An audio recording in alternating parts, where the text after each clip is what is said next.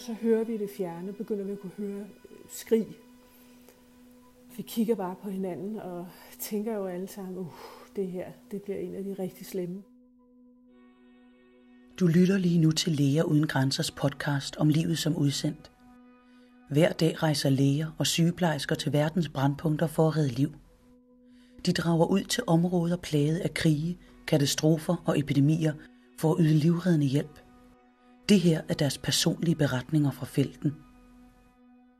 Kamma har som sygeplejerske været med til at redde hundredvis af mennesker fra at dø i bølgerne på Middelhavet. I 2016 var hun ombord på Læger Uden Grænsers redningsskib Dignity One.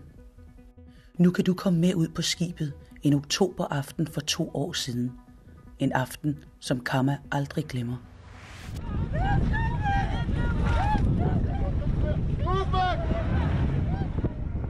Det er aften, og det er blevet helt mørkt nu. Der er temmelig høje bølger, og alle tre dæk ombord på Dignity One er fyldt op med øh, flygtninge, som vi har reddet i løbet af dagen.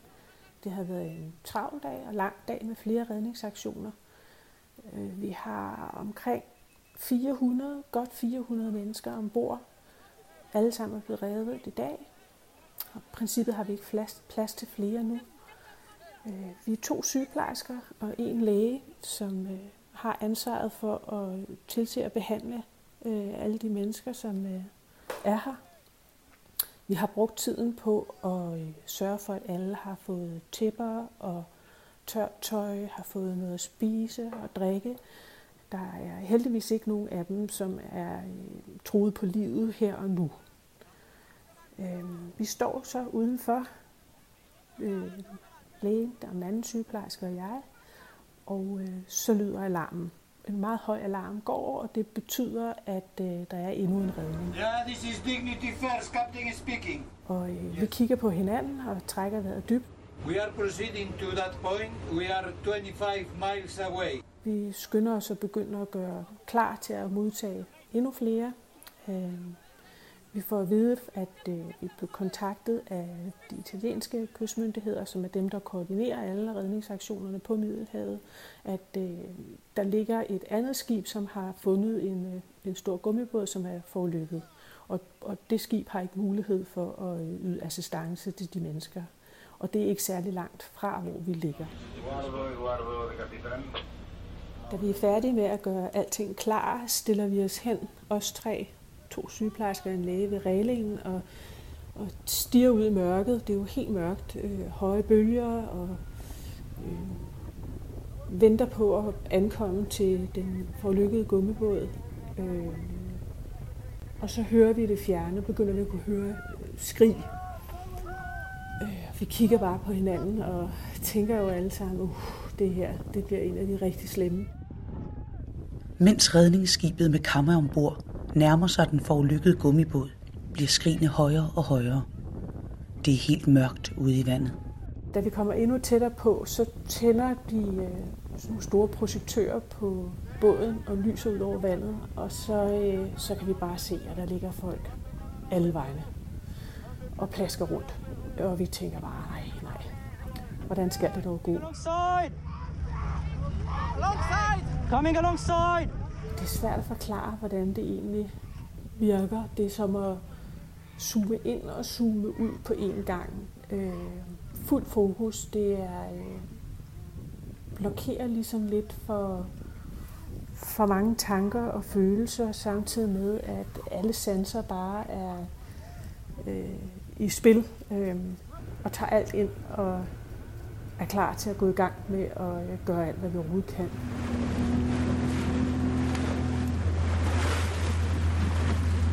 Vi har en lille gummibåd, som en, lille redningsbåd, som øh, bliver sat i vandet, og der er der så nogle af vores folk, som, øh, som øh, sætter sig i den og sejler ud for at øh, hente de første ind til vores båd. Og øh, som regel er det jo sådan, at det er jo de værst forkommende øh, kvinder og børn, som, som bliver gravide, som bliver øh, øh, hentet ind først, men, men det er jo svært, når der ligger mennesker over det hele. Øh, så de sejler ud og går bare i gang.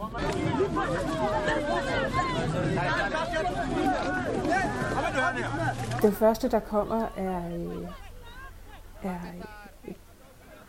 en lille dreng, som øh, vores læge samler op og tager op i sine arme, og så kommer han løbende hen mod der, hvor jeg står. Øh, og han, han er bevidstløs, den her lille dreng, 6-7 år, og øh, vores læge, han ser helt vild ud i ansigtet, og, og så råber han bare, petrol, petrol, it's petrol. Øh, og så han er fuldstændig gennemvædet af benzin. Øh, så vi skynder os bare at hive tøjet af ham og få ham skyllet. Og, øh, og derfra, der går alt bare stærkt. Move. It's okay, we have doctors here, okay? Okay, Når øh, benzin bliver blandet med havvand, den kombination giver kemiske forbrændinger. Og øh, den gummibåd, som er forulykket, der har der været nogle flere tanke eller flere dunke med ekstra benzin i, plus at tanken selv har været gået i stykker. Så gummibåden knækket sammen, og så er alt det her benzin spildt ud over, så det, de alle har siddet i det, og øh, det begyndte begyndt at bevæge sig ud omkring i vandet omkring båden, hvor folk er faldet i, så alle, de fleste har simpelthen store forbrændinger op og ned, specielt på underkroppen.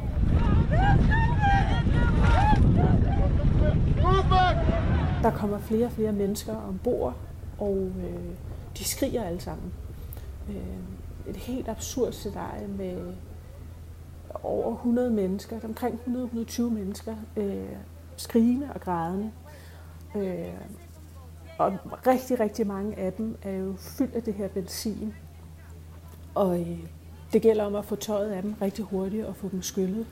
Og øh, meget hurtigt så øh, er der sat et system op med noget af vores skibspersonale, som, øh, som sørger for det her, som øh, hjælper med at tage tøjet af dem og tage dem ind under bruserne, og det er fuldstændig ligegyldigt mænd, kvinder i, det skal bare gå stærkt, og alt tøjet ligger i en stor bunke.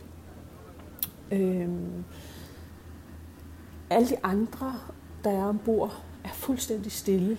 Øh, man kigger ud over, de sidder fuldstændig som forstenet og chokeret, øh, siger ikke et ord. Øh, de har jo selv en, en forfærdelig historie øh, og erfaring med sig. Man kan jo godt se, at det her det er, det er også helt, helt forfærdeligt. Øh, jeg begynder, jeg kan mærke ret tidligt, at min arme og, øh, og på mine kinder, på min hals, og det begynder at brænde og svige på grund af alt det her benzin. Øh, og jeg tænker bare, at der er, ikke, der er ikke nogen, der må tænde noget ild nu, fordi så eksploderer båden. Øh, og, og det får jeg råbt til nogen af af skibspersonalet. I må sørge for, at der ikke er nogen, der tænder ild. Øh, og dem, der står og tager imod allerforrest ved, ved reglingen, øh, har også nogle metaldetektorer, som de undersøger, at folk ikke har, har våben eller knive på sig, og sørger for, at sikkerheden er i orden, og, og de går også rundt og sikrer sig, at der ikke er nogen, der har leget og, og kan tænde. Øh, vi går meget hurtigt ind på vores lille klinik. Øh, der, der kommer jeg til at, at tilbringe resten af tiden, øh, der hvor vi behandler dem, som har dårligst og som er mest akut påvirket. Øh, og derinde har vi jo den lille dreng, den øh, lille øh, 6-7-årige dreng, som har været fuldstændig øh, gennemblødt af det her dieselbenzin. Han er jo øh, akut livstruet. Den lille dreng, han øh, er rigtig svær at få lagt et drop på, fordi han også er underafkølet, fordi for, for øh, brændsårene er så store, som de er, så det tager en del tid, men det lykkes. Og langsomt så øh, bliver han også varmet op igen, og får givet ham de væsker, han har brug for, og han øh, genvinder bevidstheden stille og roligt. Han får en ildbehandling, øh, så vi får ham stabiliseret rimeligt, men, men det er stadig en, en uholdbar situation at skulle have ham ombord på båden, uden at kunne tilbyde så meget yderligere det næste halvandet døgn. Der er cirka halvandet døgns sejlads til øh, den italienske kyst. Øh, så den melding giver vi jo videre op på broen, øh, hvor de vil arbejde på at finde en mulig, øh, mulighed for evakuering øh, via helikopter.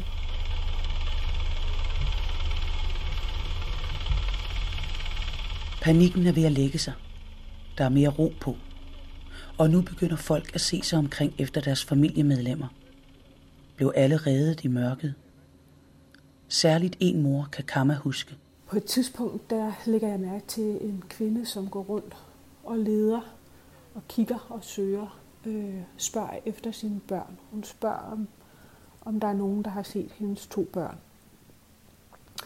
Og øh, vi beder så vores fieldkoordinator om at øh, komme og hjælpe hende. Øh, og de går så rundt sammen. De går også både sammen med hende, men også øh, for sig selv og taler med hvem der nu er på båden, om der er nogen, der kender hende, om der er nogen, der har set hendes børn, øh, ved noget. Og øh, på et tidspunkt, der ser øh, moren til den lille dreng, som vi behandler inde på klinikken, du ser hende og fortæller så, at hun var sammen med hende ude på gummibåden. De sad ved siden af hinanden op på kanten. Og da gummibåden gik i stykker og knækkede sammen, der blev den lille dreng jo kastet af og røg ned i vandet. Og der hjalp den anden kvinde hende med at, hive ham op af vandet. Hun havde siddet og øh, passet på sine egne to små børn på 4 og 5 år, øh, men vendte sig væk fra dem for at hjælpe med at, at øh, redde hendes søn. Og da de får ham op på kanten af gummibåden igen, og hun drejer sig rundt, så er hendes egne to små børn væk.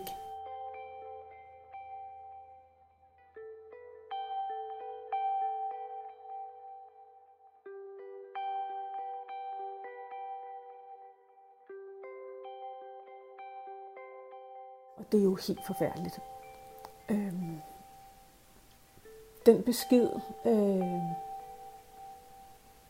skal hun jo have. Hun ved det jo, men, men der er jo mange andre, som har set det, og der er mange andre, som, som har set, at de to små børn, de, de røg under vandet, og de kom op igen, og, og der er ikke nogen, der har set dem siden. Og, og den kvinde skal jo have at vide, at hendes børn, de, de er druknet, og, og at de ikke er ombord på båden. Så efter alt er tjekket flere gange, og vi er helt sikre på, at det er det, der er sket, så øh, bliver hun taget ind på øh, ved vores klinik. Der har vi ligesom et ekstra lille rum, depotrum faktisk, om bagved, hvor man kan lukke døren og være øh, helt privat. Så, så der går de ind med hende. Jeg sidder stadigvæk ude i klinikken på den anden side af døren, men jeg hører jo hendes reaktion og hører hendes skrig. Øh, og det rammer mig jo helt vildt hårdt. Øh, at denne her kvinde, som har været med til at redde et barn, har mistet sin egne i samme ombæring. Det er jo helt forfærdeligt hjerteskærende.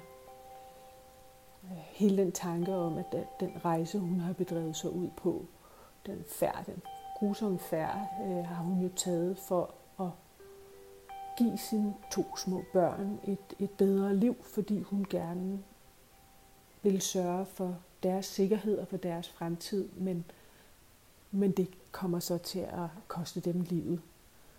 Øh. Hver gang jeg så de næste mange, mange timer, øh, hver gang jeg går forbi hende, så, så bliver jeg jo ramt af den enorme forfærdelighed, men, men er jo også nødt til samtidig at blive ved med at holde fokus og fortsætte øh, med de ting, som der skal gøres. Øh.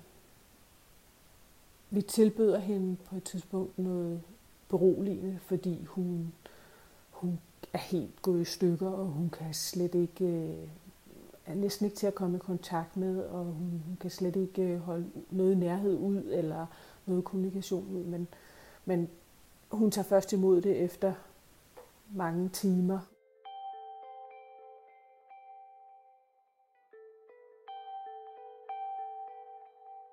Det sværeste for mig at håndtere var faktisk, da vi kom frem til, øh, til Italien, til kysten, og øh, jeg skulle hjælpe denne her stakkels kvinde øh, ned af landgangsbroen og i land.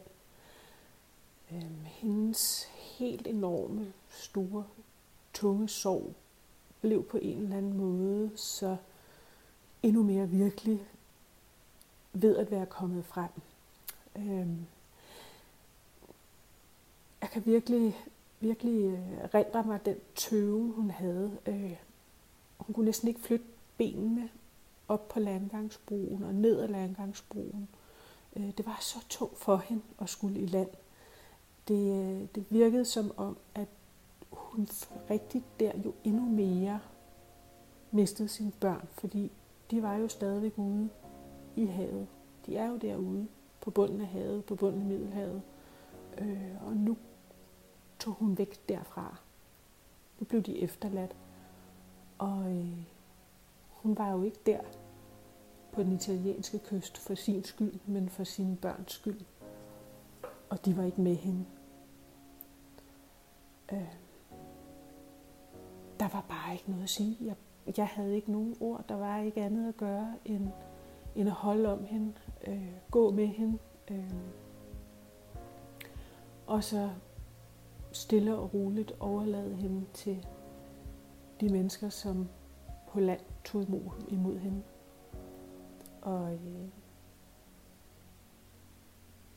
ja, jeg tænker jo stadigvæk over det forfærdelige meningsløse i, at hun, hun nåede frem, men at hun nåede frem alene.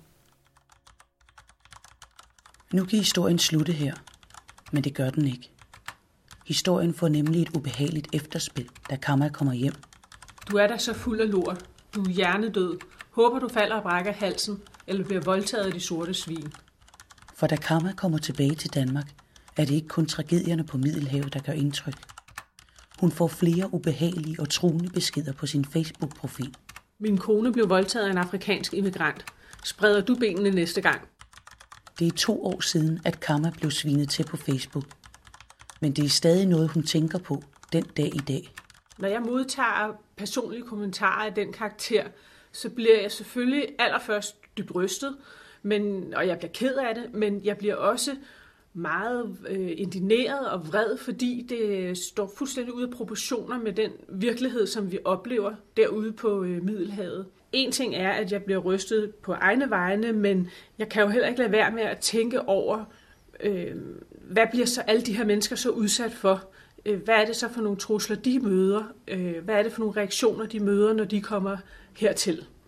Og det gør mig utrolig harm og vred og ked af det. Og det er tankevækkende, at der i den, øh, den offentlige, den åbne debat og de åbne tråde på Facebook og andre medier øh, er rigtig mange negative kommentarer, men øh, udover de trusler, jeg har modtaget, har jeg jo også i personlige beskeder fået rigtig positive tilbagemeldinger. Og det er naturligvis dejligt, men når det er koblet sammen med, at mennesker sender, vælger at støtte mig i det lukkede, fordi de selv er bange for at blive svinet til, så, så gør det mig jo også indirekte lidt ked af det. For der er jo brug for, at alle dem, som støtter det her, viser, hvad de mener og øh, giver deres besøg med. Selvom Kamme har fået trusler om voldtægt, så er hun klar til at tage afsted igen og kæmpe for de mennesker, som har behov for hjælp. Uanset om det er på havet eller andre steder i verden. Jeg bliver aldrig nogensinde i tvivl om, at det er det rigtige at hjælpe mennesker i nød. For mig er det jo krystalt klart og klokke enkelt, at er et menneske troet på liv og død, jamen så hjælper man naturligvis. Der, det er enkelt, fordi der ikke er noget politik i det. Det, er, det handler kun om en her og nu situation, hvor et menneske skal reddes. Øh, alt, der ligger før og efter, er der jo andre, der tager sig af. Det giver mig sådan en følelse af, af kamp, at det, ja, det her, det må jeg simpelthen gøre, være med til at gøre noget ved, og jeg bliver nødt til at kæmpe for de her mennesker, deres, deres liv og deres rettigheder. Kammas historie slutter her. Hvis du vil høre mere fra Læger Uden Grænsers udsendte, så gå ind på hjemmesiden msf.dk. Tak til Kamma for hendes fortælling, og tak fordi du lyttede med.